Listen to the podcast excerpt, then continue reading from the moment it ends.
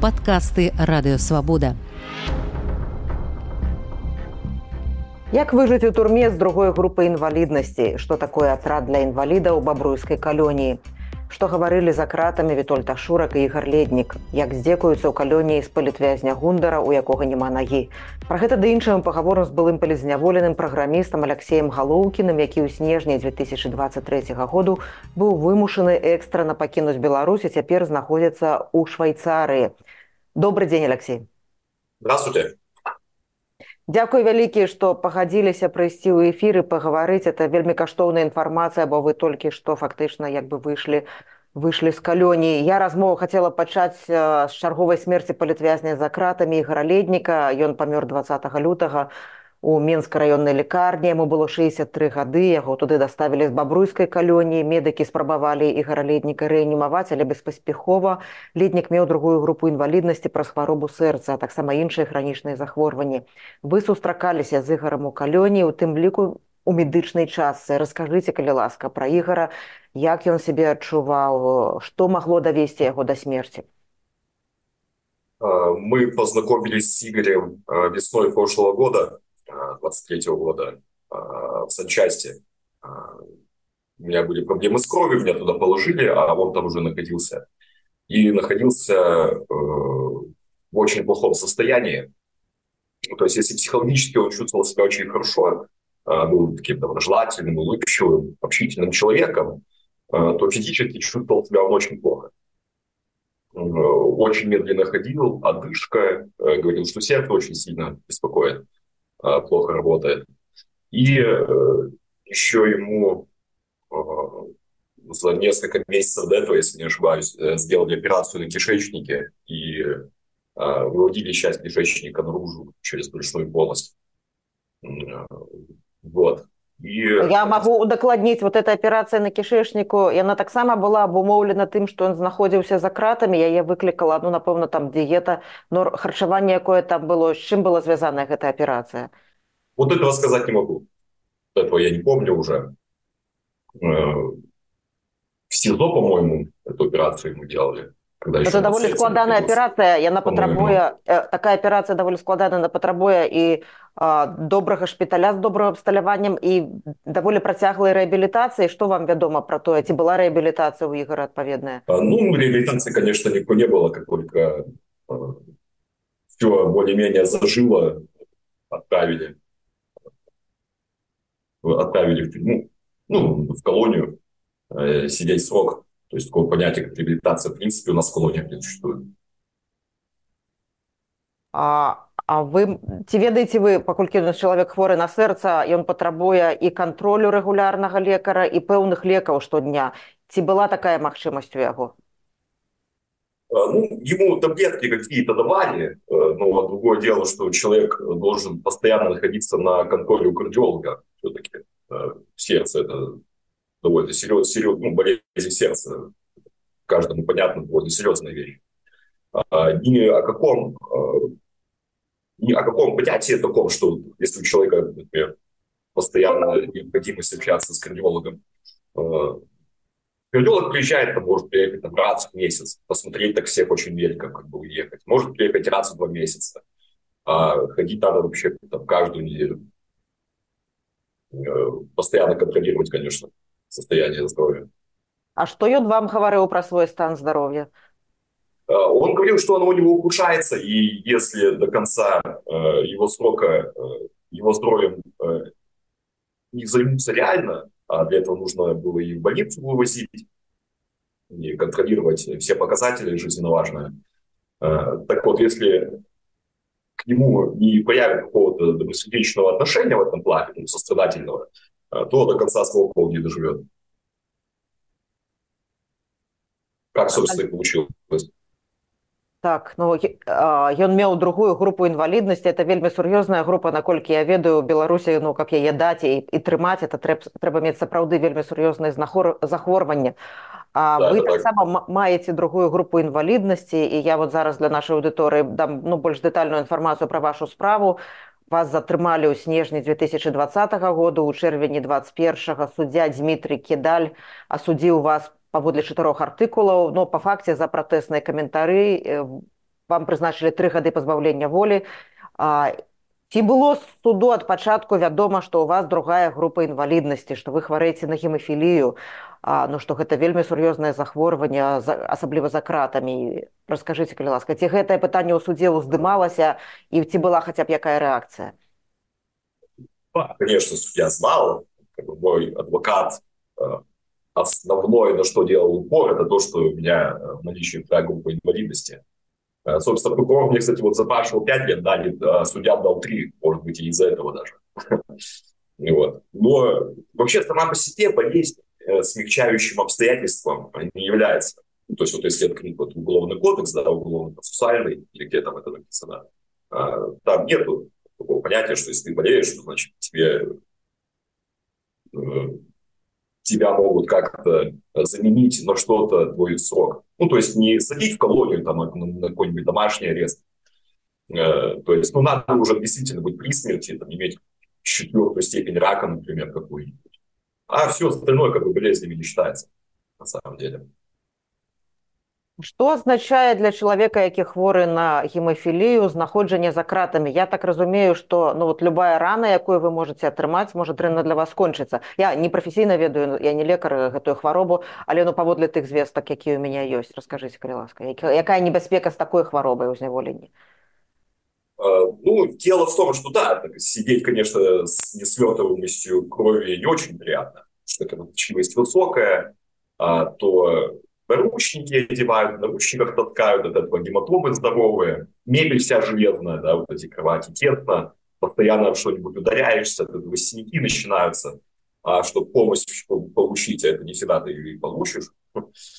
Вот. Поэтому, да, не советую туда с ними попадать.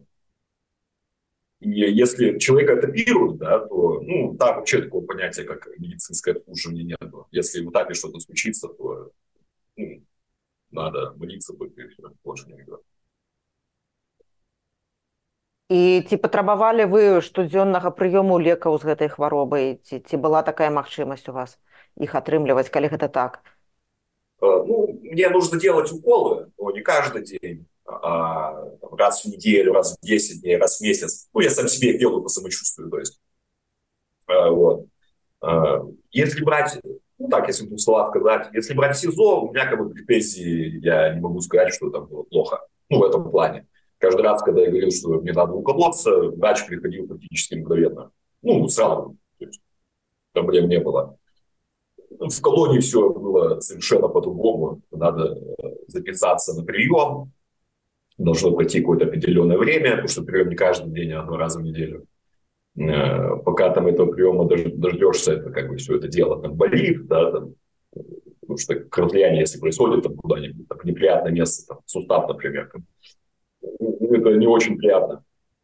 Ну, вот. А по приходу туда может оказаться, что те уколы, которые закончились, а новых они не привезли, и, собственно, за два месяца до освобождения, где-то за два, около того, а, а мне сказали, что ты уже скоро домой пойдешь, поэтому ну какие уже уходы, терпи, лечиться будешь дома. И два месяца еще не кололся. Что как бы не принято медицинскими, медицинскими инструкциями. Я читала ваше интервью новому часу, и вы там рассказывали про специальный отряд, у яким інваліды знаходзяцца працуюць жывуць маглі бы больш дэтальна расказаць якія там умовы ці ёсць нейкія паслабленні пра людзей з якімі хваробамі людзі ў гэтым атрадзе Э, да, значит, в каждой колонии есть отряд, э, где сидят люди, э, имеющие проблемы со здоровьем. То есть инвалиды, пенсионеры, очень пожилые люди,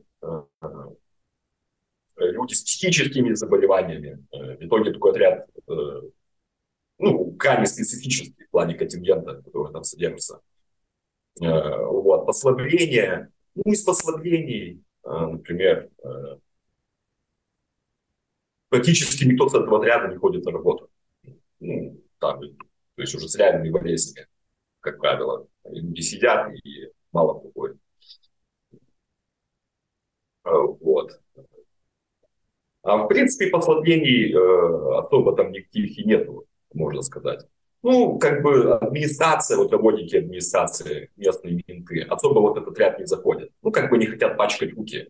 Поэтому они все, вот всю, так сказать, все мероприятия по обеспечению порядка, они делегируют вот другим зэкам, так называемым активистам, козлами их еще вот называют, может, кто-то слышал.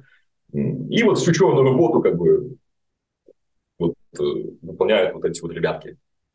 Ну, то есть заставляют инвалидов там строиться, в дождь, в снег, э, на улице часами лазить. Ну, менты боятся поступки брать. А от колькі маглі б тут прапорцыю даць колькі прыблізна вязняў у калоніі і якая частка з іх это інваліды вот гэты атрад і якая частка вот з гэтага атраду это палітвязні а, значит в колонии на момент а, моего освобождения содержалось 2400 человек а, самая большая колония если не ошибаюсь в Беларуси Значит, отряд инвалидов – это 100 человек, ну, как и любой другой отряд. Там 100, 110 бывало, бывало там 95, ну, около 100, короче. Вот. И политзаключенных в этом отряде было там, ну, 10, наверное, никогда не было. 6, 7 в таких количествах. Не меньше 5, не больше 10. Так. А с какими хворобами палізняволеныя были ў гэтым атрадзе? А, ну, если брать, например, э, там, Владимира Гундаря, да, у него ноги нет, который по делу, тут все его знают, ваши слушатели. А, там у Федынича, э, там тоже, по-моему, сердце какие-то проблемы. И, и вот тоже вот Гена Федынич, у него тоже очень плохо ходит, вот. тоже одышка, тоже проблемы с сердцем и его заставляют, чтобы он с метлой ходил и эти, ну, подметал постоянно везде. То есть вот от этого его не освободили. На работу он не ходит, но вот такой вот подсобной вот этой работой на территории отряда, вот, его заставляют этим заниматься. Ну, собственно, такой работой все исключительно политики занимаются, больше, больше никто. Психграфик там просто там все заключенные перечислены, когда кто дежурит. А, там, если брать там, Александр Соколовский вот был у нас, э, тоже там, мужчина, 42 лет. Вот у него после, после был инфаркт. Был. Инфаркт был за кратами? Э, по-моему, да. По-моему, вот когда он в СИЗО сидел, по-моему, там, там у него инфаркт был. Или вот когда его только-только в колонию привезли, у него инфаркт был. Но точно вот уже после, ну, после того, как его поймали. И тоже очень хорошо там Хорошо, что срок маленький, просто повезло. Помощь нулевая. Я, я крыху да там што э, спадар федыніч это вельмі вядомы дзеяч прафсаюзнага руху беларусі гэта не малады чалавек я, я зараз не скажу ўзрост а, ці памятаеце вы яго ўзрост? Я не малады чалавек так? Он не молодой да. Ён, ён не малады чалавек. А владимир гундар таксама ён фігурант справы аўтухович вельмі да, жахлівых да. умовах і следства і суд праходзіў калі яго ў клетцы трымалі А што я што яны вот расскажыце што яны расказваюць што яны гавораць пра свой стан здароўя і спадар федыніш і спадар гундар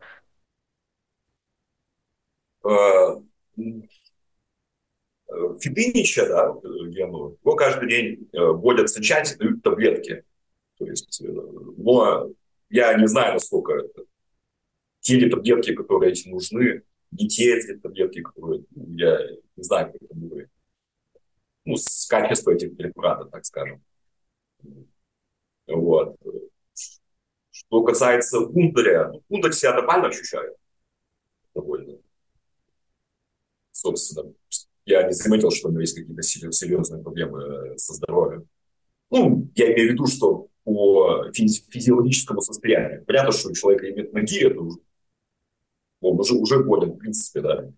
Но там, какой-то слабости серьезной, то есть у него я никогда не встречал его. То есть он ходит вот постоянно, вот как столяк, вот, по кругу ходит, ходит, вот чтобы на месте не сидеть. Такой энергичный очень дядя. Восхитительный человек. Вот. А вот у Гена Федынович, вот он вот, больше вот ему вот посидеть, отдохнуть, там, сходит с этой вот, аж сердце кровью вливает, какой-то этой метлой, там, эти бычки, знаете, там, извините за подробности, собирает. все это соскребается по асфальта. Участок же большой, это пока все обойти, это надо еще пару раз в день. Он там летает, летает, идет, там отдыхает. Да, еще ж имейте в виду, как бы, что летом очень жарко, зимой очень холодно. Там, понятие комфортной температуры это там буквально пару месяцев в году. Ну, когда там переход идет, там весна какая-нибудь. А если у человека, как бы, человек плохо себя чувствует, да, особенно если у него сердце больное, то как бы неудивительно, что тяжело до конца срока сидеть. Условия отвратительные. Я, мне, мне вельмі не просто это пытанне задаваць і магчыма немаральна яго так фармуляваць але калі нічога не зменіцца год два три розныя тэрміны ёсць у палідзняволеных. Вот гэтыя палідзняволеныя якія знаходзяцца вось у такім стане фактычна без медычнай дапамогі ў цяжкім стане ў калоніі і ў кожнай з калоній дзе ёсць палідзняволеныя дзе ёсць атрад для інвалідаў і дзе ёсць палітвязні. Что, что, что вы думаете ці, вот такія звесткі як пра ігора ледніка ці яны не будуць часцей просто паступаць што людзі будуць паміраць у турме і вакол нічога немагчыма зрабіць? Что вы думаете про гэта по, ну, я уверен, как бы и по логике э, вещей, что количество подобных смертей, оно должно с годами будет только увеличиваться, э, наша колония. Потому что время идет, э, люди, вот, если больного человека -то посадили там, в 2020 году, это вот хорошо, как бы мне там повезло, мне срок маленький, как бы нормально, без проблем. А время идет, и там кто там 5 лет сидит, там 6 сидеть, то понятное дело, что к огромному сожалению, это последняя смерть. Вы калі садзіліся даволі часта гаварылі, што яны не будуць свае тэрміны сядзець і мелася на ўвазе і Вітольта Шурак, які загінуў за кратамі. Цяпер ёсць такія настроі, калі людзі думаюць, мы не будзем сядзець свае тэрміны ці так як бы людзі разумеюць, што давядзецца. Ну, скажу так, что В 2020 году, вот когда меня только да, вот закрыли, только подсадили, а, уверенность, что не придется сидеть до конца, была у всех. А в течение времени все больше и больше, ну, разочарования, если угодно, э, нынешним, нынешним положением дел. А, и меньше веры на то, что, так сказать, э, что-то поменяется в ближайшее время. Як вы думаеце ёсць нейкія шансы на вызваленне хаця б асобных палітвязняў вы цяпер у швейцарыі тут Наталья херша была палізняволеная і швейцарская дзяржава фактычна дамаглася яе вызвалення не за кожнага будуць такім чынам змагацца бо не все грамадзяне яшчэ іншых краінаў але як вы глядзіце на такі спосаб вызвалення палітвязняў калі ну палітычна нічога не мяняецца наколькі гэта магчыма? Ці слушна так можно так? Мне кажется, вполне, вполне реальный сценарий. То есть э, там, в обмен на отмену, например, части каких-то санкций, ну, например, да, там, отпустить, ну, такая как работорговля, знаете, своими же собственными гражданами. Ну, почему нет? Может, может подавать начнем. Напэўна, это самая абмеркаваная тэма ў асяродку былых палідзняволеных, так? Яко, ці ёсць агульнае нейкае меркаванне былых палідзняволеных пра тое, што трэба рабіць? вы имеете в виду, что делать для освобождения людей? Так. А, ничего, то есть от нас уже ничего не зависит. Дело уже слишком э, глубоко зашло в стране уже э, террор на уровне 30-х годов прошлого века. Ждать только внешней политической воли, ну, что политическую волю появится соседние государства каким-нибудь образом. Посильнее как-нибудь надавят может быть, очень сильно надавят. А внутри Беларуси как бы мы уже ничего сделать не можем. Ну, плюс фактически российская оккупация. Никто никого пускать не будет просто так.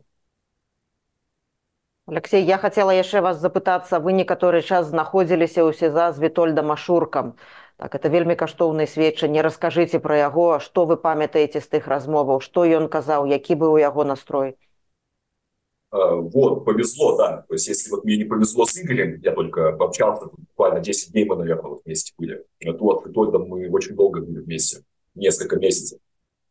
А, то есть, э, ну, что я могу сказать про? Рикоид э, был, причем мое, конечно, там, колоссальное уважение там, ко всем остальным, это, ну, Илю, понятное дело, там, кто-то больше оппозиционер, кто-то меньше, да, понимаете, о чем я говорю, а, то, ну, Витольд был однозначно вот самым ярким э, политзаключенным из всех, кого я встречал. Самым первым и самым ярким, собственно, им и остается. Э, вот. Э, человек очень идейный, очень идейный, принципиальный. И причем настолько, вот он все время вот ставил себя вот противовес вот даже вот остальным сидельцам, кто сидят не по политическим статьям. То, что говорил, там, вот, вот ты, вы угол, и со всеми на вы разговаривал всегда обязательно. Там, и, вы уголовник, а я политзаключенный. Часто говорил, ссорился, когда с остальными. Вот. Не очень сильно на контакт шел вот именно теми, кто нарушал закон по каким-то неполитическим статьям. А, очень начитанный человек, был, очень было с ним интересно разговаривать. Собственно, этим мы и занимались целыми днями. Было очень интересно. А, ну, состояние здоровья у него было отменным. Я для его возраста, то для 50, 50 лет только, если не ошибаюсь, было. А, то есть выглядел он просто идеально. Я у него нормально было. Поэтому я когда вот вышел, прочитался там э, от э, что-то там от остановки сердца, у меня какой-то упал, головой что-то разбился, ну, не знаю, не знаю. Очень странно. Такого не бывает. Скажите, калі ласка, а што забрала у вас турма, праз якія выпрабаванні, пакуты прайшлі вы, што было найбольш цяжкім?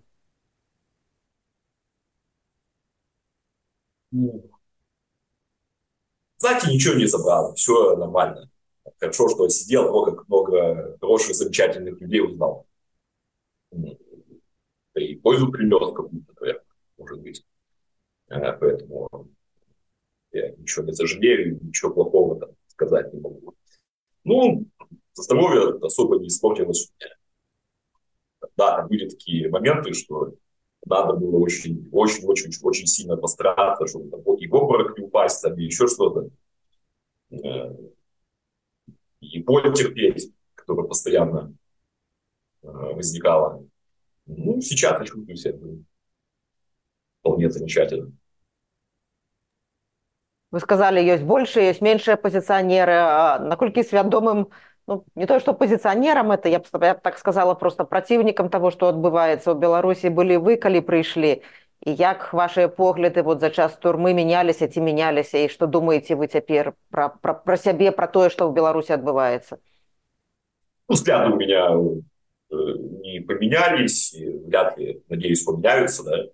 э, потому что э, в протестах акциях я еще с 11 с 11 года уже как бы участвовал вся, там не совсем случайный человек, что там прочитал там и пошел там куда-то, да, выпил, пошел там камнями в милицию кидаться. Нет, я вполне осознанно, осознанно к этим делам всем отношусь. Калі вы выйшлі якім было ваше жыццё і калі вы прынялі рашэнне што трэба з'язджаць што паўплывала